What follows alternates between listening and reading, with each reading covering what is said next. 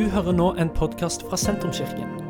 Vår bønn er at du skal få lov til å oppdage mer av hvem Gud er, og hva slags liv han har for deg. Mer informasjon om hvem vi er og hva som skjer i kirka, befinner du på sentrums.no og i sosiale medier.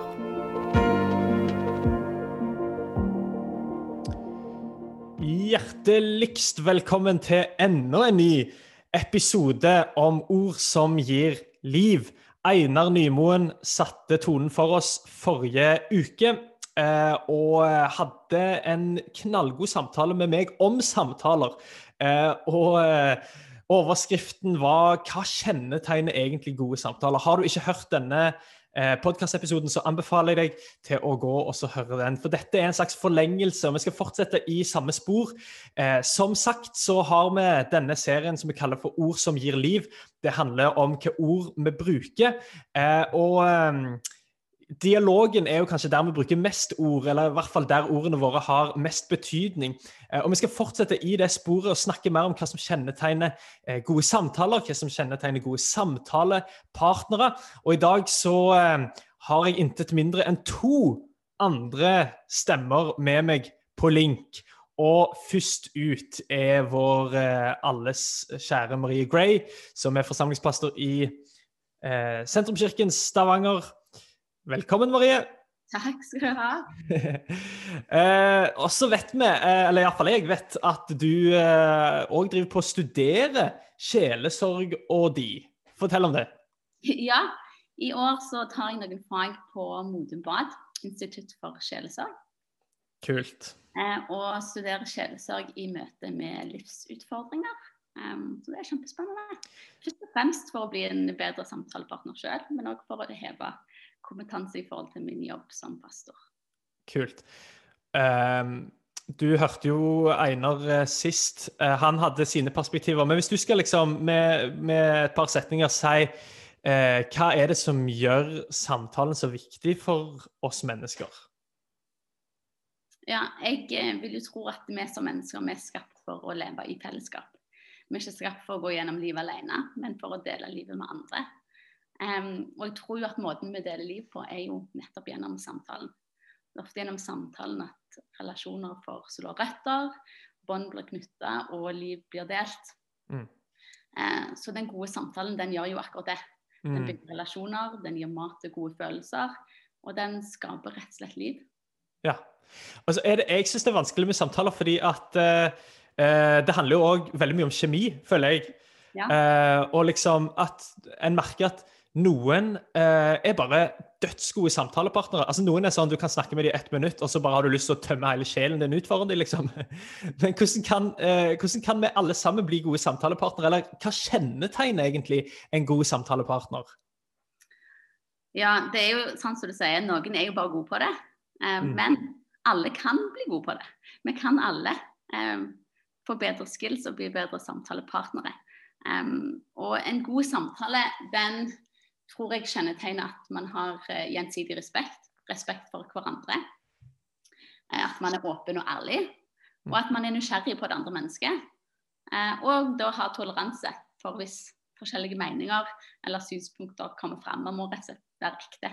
Mm. Man må være real. Hvis ikke så så ser man det fort og blir lite interessert. Ja. Um, og jeg tror mange av oss kan jo tenke tilbake liksom som du sier, Thomas, tenke tilbake på det er noen man bare liker å snakke med. Om ja. det er på jobb, eller om det er familie, eller om det er kirka. Det er noen man bare dras til samtalen med. Og hvorfor er det egentlig sånn? Er det fordi de har, den personen alltid har rett svar, alltid har masse gode råd å komme med? Jeg tror ofte at det ikke er det, men det er kanskje hvordan den personen får oss til å føle, føle oss om oss sjøl.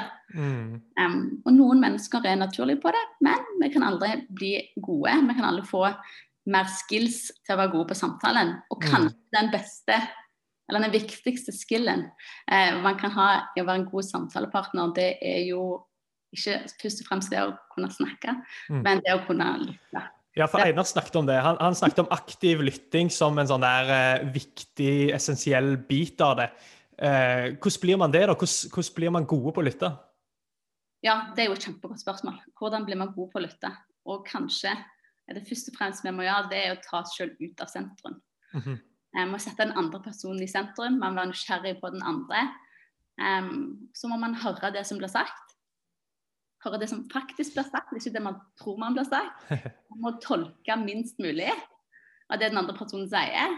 Og så må man lytte med den hensikten at man vil forstå hva den Mm. andre personen sier. Man må rett og slett altså, lytte mer enn vi snakker, og Mm. spørre mer enn vi forteller. Um, for det er jo ingenting som er verre enn å sitte i en samtale med noen der du liksom legger ut, og så ser du at den andre personen bare sitter liksom og tripper Ja. på et eller annet. Du vet liksom Klart å si noe, liksom. ja, de bare Ja. venter på å skyte inn liksom, sin idé eller sin historie. Eh, og det er jo, altså I samtaler om vær og vind, så er jo Ja. det greit. Det er jo liksom ja, det. ja. Men, men man må eh, være obs på i de samtalene der folk eh, trår ut i en sårbar posisjon, deler liv. Da skal man være veldig opptatt av sin rolle i den samtalen og holde Mm. tilbake. Ta seg selv ut av sentrum. Sette den som forteller i sentrum, og forstå, prøve å forstå hva det er de forteller. Ja. Altså, eh, livet skjer. Eh, og livet skjer i sesonger ofte. Sant? Vi går gjennom eh, topper og daler alle sammen. Eh, og så er det sånn at eh, de dalene er jo uunngåelige. Vi går alle gjennom perioder i hvert fall, av gjerne utmattelse, av sorg, av eh, frustrasjon. Eh, og så kan man diskutere om en av de litt mindre kjekke sidene med vår kultur at vi er ganske private, eh, og at vi kanskje òg eh, lar liksom folk være i fred med sine ting. Eh, og òg når de går gjennom vanskelige ting, så er det sånn Nei, uff, dette er så personlig eller så privat, dette tør ikke jeg å ta i. Og, og, så, og så til og med når folk har det vanskelig, så tør vi ikke helt å liksom eh, tråkke inn i, i folk sine sfærer, da. Um, jeg syns dette er vanskelig, og, og det er jeg sikker på at veldig mange andre syns òg. Dine perspektiver på dette. Hvordan eh, kan vi nærme oss mennesker som eh, lever i en vanskelig livssituasjon, f.eks.? Mm, jeg tenker jo at det er um, Det kommer veldig an på situasjonen, selvfølgelig. Ja.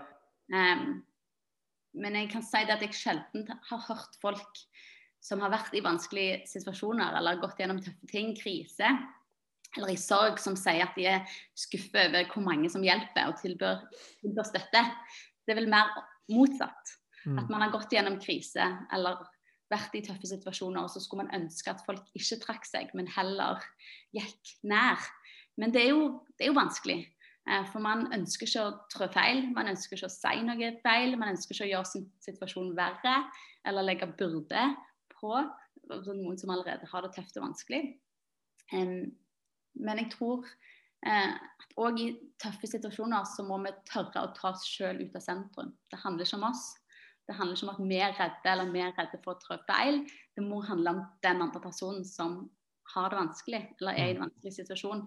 Så- Tror du det er bare en, en illusjon, holdt jeg på å si, at, eh, at eh, folk flest ikke blir fornærma egentlig av at noen tilnærmer de selv i en vanskelig situasjon? Nei. Ja. Jeg tror ikke folk blir fornærma. Jeg tror folk setter utrolig pris på det. Mm. Men man må jo selvfølgelig eh, trå varsomt. Spesielt Ja. hvis folk man ikke har en relasjon til, eller veldig nær relasjon til, så må man jo gjøre det, tenke seg om. Ja. Um, men hvis man vet om noen som har, går i en vanskelig, er i en vanskelig situasjon, Ja. um, og vi ønsker å hjelpe dem, så er det jo altså man kan ta, Hva er det første steget man kan ta da, som alle kan gjøre, iallfall vi som troende, det er jo å be for dem. ja. Uh, hvis man vet om noen som har det vanskelig. Og så kanskje det andre tinget vi kan gjøre, er ta opp telefonen, sende en Mm. melding, eller ringe til dem og bare si det. Ja. Hei, hei, jeg har hørt at X situasjon Ja. tenker på deg og ber for deg. ja. Gi beskjed hvis det er noe en kan gjøre. Mm. Altså, Superenkelt. ja. Og det er nydelig. Og da blir det jo litt opp til den personen som har det vanskelig, da, å si For noen ønsker jo Nei, vet du hva, jeg vil bare være i fred, jeg vil være alene. Men da vet man iallfall Oi, det er noen som bryr seg. Det er Ja. noen som tenker på meg. Det er noen som ber om Jeg har fått tilbud at det er noen som er der for meg. Mm. Og det er jo kanskje det folk um, ønsker. Å Ja. bli sett og hørt, og vite at det, det er noen uh, der for meg. For meg. Veldig bra.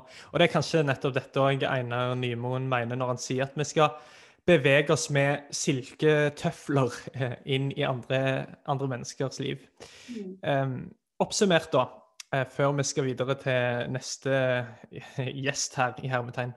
Um, hva kan vi alle sammen gjøre for å bli bedre samtalepartnere? Um, nei, jeg tror eh, det må være at vi alle kan bli bedre på å lytte. At vi kan lytte mer enn vi snakker, og spørre mer enn vi forteller. Um, mm. Nydelig. Og godt vi som troende òg, vi har jo Vi kan jo òg lytte til Den hellige ånd i samtalen. Ja. Han er jo med oss i samtalen.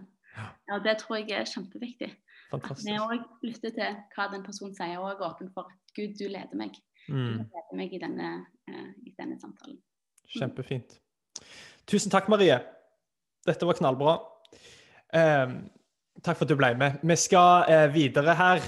Vi har Per Eivind òg med oss, eh, og eh, han eh, skal få brorparten av eh, denne, denne samtalen i dag.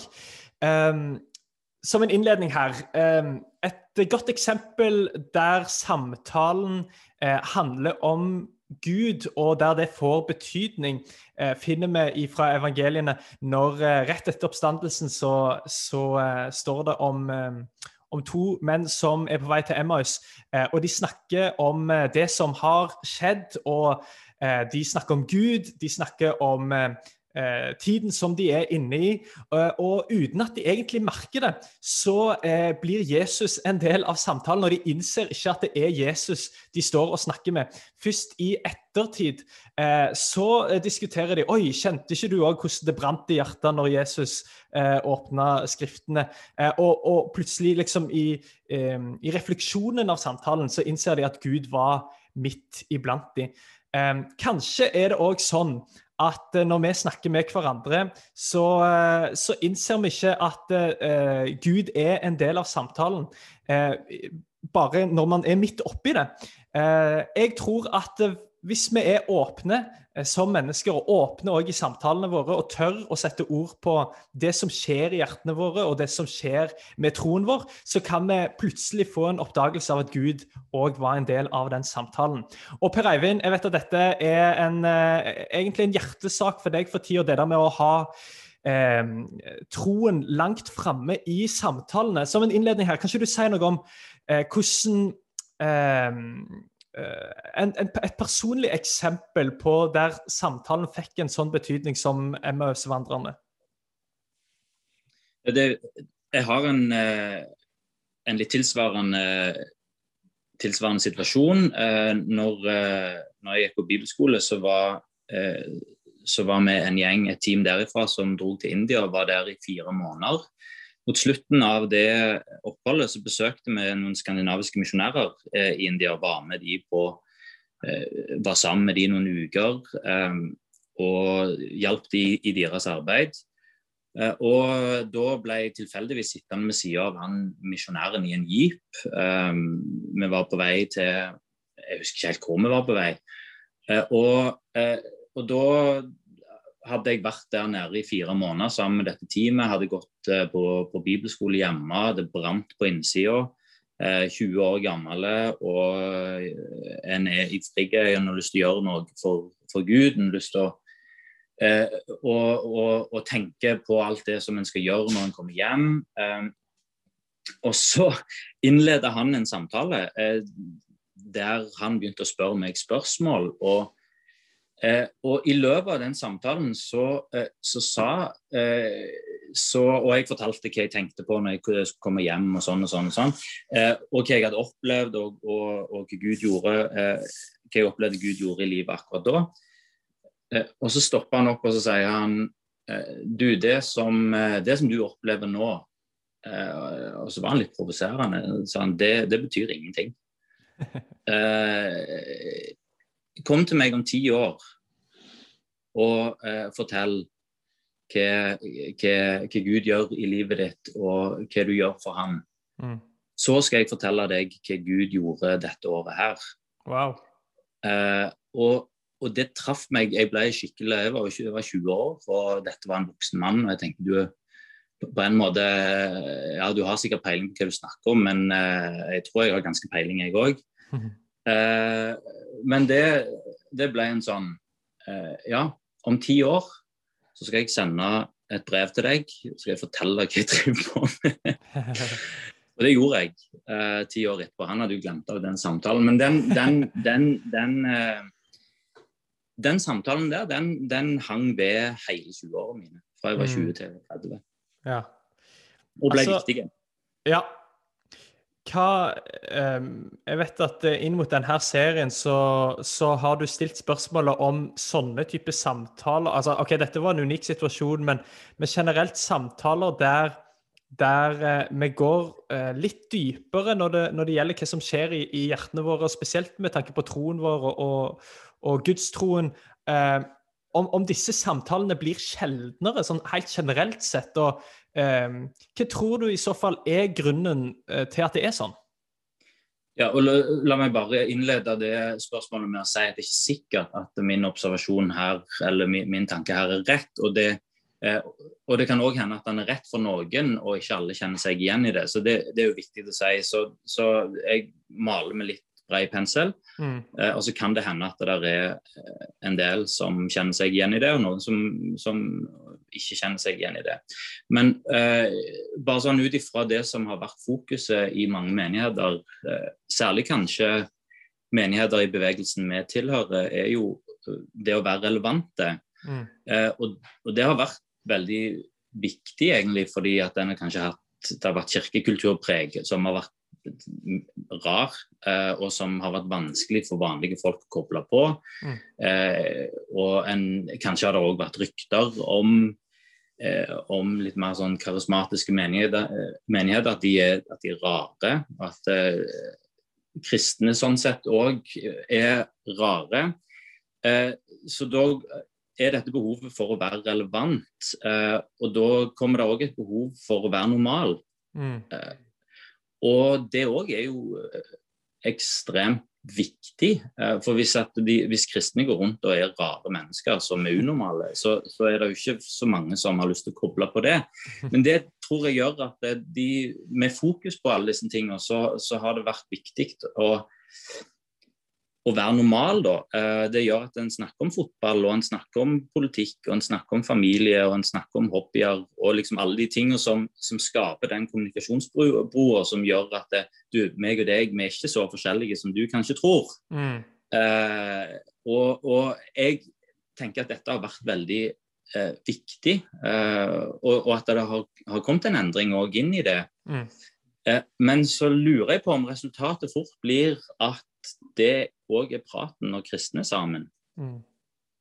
At en at, en, eh, at det blir fotball og politikk og Netflix-serier og, og, liksom de normale tingene som fort er sånn eh, go to eh. Mm. Um, og at eh, og at samtalen om Gud og den, der den uformelle samtalen, der Gud blir den naturlige del av, av, samtalen, at det stilner litt. Og en tenker kanskje ja, en, en har linkgrupper osv. som mm. der, der, snakker vi om Gud, og så, og så kanskje litt mer fraværende eh, i hverdagssamtalene. Mm. Eh, det er ikke sikkert det er sånn, men, men eh, og, og, definitivt er det ikke alle som kjenner seg igjen i det. Men jeg lurer på om det kan være noe noe i det, og at det, det kan være viktig å løfte fram at det, det, det, er fint at en er normal, det er fint at en snakker om fotball og vær og vind, og at en ser noen Netflix-serier som andre òg ser. Mm. Eh, men så er det òg en dypere dimensjon av livet som handler om Gud, og som mm. handler om, om, om de store spørsmålene som faktisk opptar oss så mye at det blir rart om vi ikke snakker om det. Ja. Eh, og at en kanskje må våge å være den som bringer det på banen. Ja, for det handler jo om en balanse her mellom eh, på en måte, Man ønsker å være naturlig og eh, ikke unaturlig, men samtidig overnaturlig. Eller sånn. Vi er jo, eh, Som kristne så, så, er jo det denne balansen hele veien som vi må på en måte eh, vi, vi, bringer noe overnaturlig inn i verden eh, mm. uten å liksom bli unaturlige. Um, jeg eh, merker meg òg her at eh, samtalene, og det snakket Einar om eh, mye sist, at, at eh, OK, du har eh, eh, prekestolen på en måte på søndagen, og der en forkynner. Uh, og så har du samtalen, og, og der uh, han la vekt på at, uh, at samtalen er, er, vel så viktige. og vi ser det i Jesus sitt, sin tjeneste, at han òg hadde fokus på samtalen. Og det var jo i samtalen han virkelig avslørte de store sannhetene, og det er der vi har de eh, fra evangeliene, så er det jo nettopp i samtalene eh, som det rapporteres om at vi faktisk eh, kommer veldig nær eh, Jesus sitt, eh, sitt, budskap. Hva sammenheng ser du som pastor mellom samtalen og disippelgjøringen? For vi ser at det er en del av Jesus sin strategi. Ja, jeg, jeg, tror jo uh, Ref den, den, samtalen som, som jeg starta med, den personlige uh, i, fra India, uh, så kan jo sånne ting være altså Det kan jo være avgjørende for, for livet at en har noen gode sånne samtaler. Det er ofte de tingene en husker. En husker noen møter, en husker noen prekener og en husker noen ettermøter men, men, det er ofte sånne interaksjoner det, som det som, som, som, sitter igjen. Og så tror jeg at den jevnlige samtalen, den som du ikke husker, den er òg viktig. Mm. Uh, og historisk i våre sammenhenger så har disippelgjøring, hvis en skal bruke det ordet, vært noe som en gjør i fellesskap. Uh, uh, og, og, og lavkirkeligheten og pinsebevegelsen er en del av det, har Eh, har satt opp veldig mange møter. Og så har sånn historisk sett så har menigheten kommet på alle møtene. Eh, og så har det vært en slags disippelgjøring i fellesskap. Eh, og så er ikke livet vårt sånn nå lenger at eh, vi har alle disse arenaene for vi lever travle liv, eh, og vi har færre møtepunkter. Mm. Eh, og hvis det skal være måten en disippelgjør på, så, så, så, blir det vanskelig å disippelgjøre i fellesskap, sånn som kanskje menigheter i vår bevegelse historisk har gjort. Mm. Og Da tror jeg ikke vi kommer utenom at det er, disse, det er eh, møter eh, mellom folk fra kirka som, som, som, blir disippelgjøringsarenaer. Mm. Eh, når en sitter to stykker sammen over en kopp med kaffe og en snakker, og en graver litt dypere enn vær og vind. Eh, mm. Så, så, og Derfor tror jeg det er så viktig at en kan snakke med venner og familie og kjente om tro og om Gud, og at en kan ta opp det uten at det blir rart. Eh, mm. Kanskje er det det òg som synliggjør eh, om det gjøres disipler i miljøet vi tilhører. Om ja. Gud er en del av den uformelle samtalen. Det er interessant. Akkurat nå er det jo spesielt vanskelig når vi ikke kan uh, samles òg. Uh, da, da, forsvinner jo i hvert fall noen arenaer. Men uh, vi har linkgrupper i sentrumskirka og småfellesskap. Er ikke egentlig de fellesskapene en arena som kan fylle det her behovet? Jo, og det, det, er jo det, og det er jo, eh, det er jo kjempeviktig at den arenaen, eh, at den arenaen er der. Eh, og det at det er en struktur på en samtale, det, det vet vi jo fra hvis en er med i type et læringsfellesskap eller en, en på jobb hvis en trenger å gå prosesser. Så får en spørsmål og verktøy som setter i gang en god samtale og som setter i gang en god prosess. Mm. Og, så, og, og, og, det samme gjelder jo for coachingsamtaler og den type hva skal en si, skripta samtaler. Ja. Eh, de er viktige. Eh, og, og, og det, er, det, det, er, viktig at vi har de arenaene. Men, men de færreste av samtalene som vi ser ut fra evangeliene, er jo sånne skripta mm. eh, eh, altså Det er ikke en fasilitator som har tilrettelagt for gode Nei. samtaler for disippelgrupper til Jesus, men, men det er hverdagsting som, som, skjer. Og så er det uformelle, eller der er sam, gode samtaler som oppstår ut ifra det som, som, bare skjer. Eh, og Det sier jo sånn som den store pinsehøvdingen fra Sverige, Levi Petrus, som, som, bygde det som på hans tid var kanskje en av verdens største menigheter. Eh, han sa jo at de hadde jo ikke et program for, eh, for oppfølging av de som kom til tro. Det var, som han sa da, det var brødrene og søsknene ja. som, eh, som, som, hadde tatt med disse eh, som lærte de opp i troen. Så en, ja. en, satte seg ned etterpå og snakket om Bibelen, om kristen tro og evangeliet, eh, og så var det den uformelle oppfølgingen som, som gjorde at de, at de lykkes. Mm. Og, og, jeg tror det er flere som kan si det, at eh, hvis en har kjørt sammen til, til Link-gruppa, mm så kan det jo eh, no, i noen grad hende at samtalen i bilen eh, enten fram, ja, enten fram til linkgruppa eller etter faktisk er bedre. Det, det gjelder jo òg de som, som, har ungdommer i bilen, som kjører de på en, en weekend eller på, ja. eh, på en aktivitet eller, eller, på et ungdomsmøte. så, så, kan jo samtalen i bilen kan jo være det som, som blir den virkelig gode samtalen. Ja, ja. Eh, som, som, oppstår mer eller mindre spontant. Ja, ja.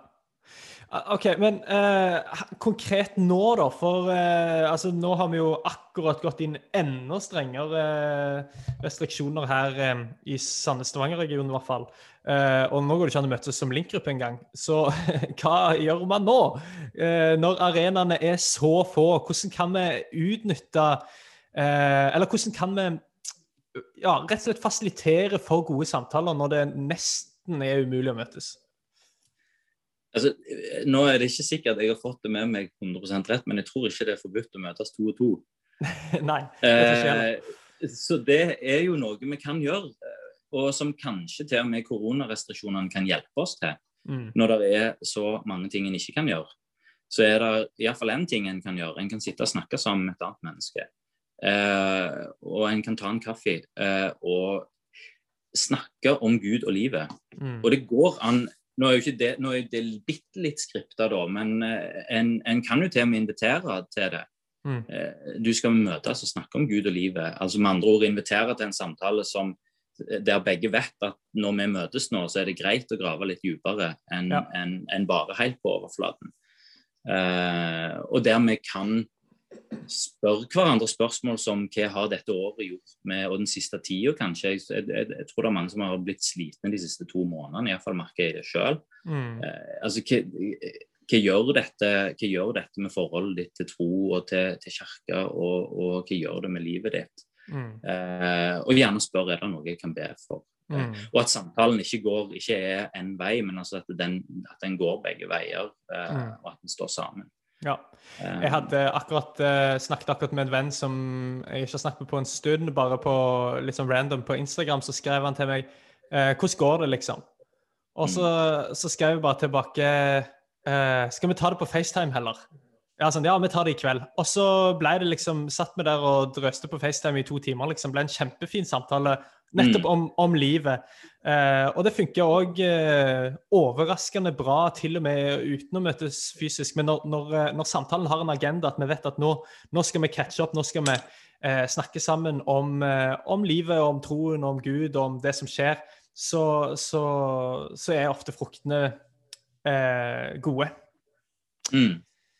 Okay, vi skal runde av her, men hva med samtaler med folk som ikke tror så mye? Nå har vi snakket ganske mye om, om eh, rent den der oppbyggelige samtalen mellom eh, to kristne. Men mm. eh, hva med eh, samtaler med folk som, som, ikke tror så mye? Har, har, har vi mangel, eller har vi mista litt det òg? At, at, at, Gud òg forsvinner i samtaler med folk som, som fins i vår verden. Eh, og, og, som egentlig er venner og til og med familie med, men uh, der vi har mista det å sette ord på, på, troen vår. Hva tror du? Ja, definitivt. Og kanskje er det der det har sånn sett begynner, fordi at en har et ønske om å framstå eh, som normal og som, som, som lik deg. Eh, så, så, så, så, så, jeg tror at når samtalen om Gud er en naturlig del av um, blir en naturlig del av samtalen med den som er kristen, så er det veldig mye enklere å dra den med seg ut til de som da ikke tror òg. Mm. Eh, og, og, der ser jeg hvordan, eh, Vestna Vesna f.eks. Eh, har en sånn veldig naturlig måte å bringe samtalen inn på Gud når en snakker med de som er kristne. Så gjør det på akkurat samme måten når det er folk som, som, som ikke er troende. Eh, og dropper, dropper jo samtaleemnet hvis en merker at det ikke liksom, gir noen resonans hos den andre. Så, så, så liksom pusher en ikke på.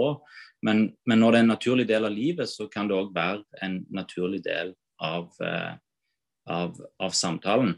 Eh, og, og, for den som ikke liker å pushe på, det er vel kanskje de fleste av oss, så tror jeg vi trenger å lære fra det som Marie sa fra begynnelsen her, å være gode lyttere mm. i samtale òg med de som ikke tror. For der eh, Jeg tenker at som, eh, flere av de som ikke tror, er mer nysgjerrige enn vi tror, enn vi mm. tenker.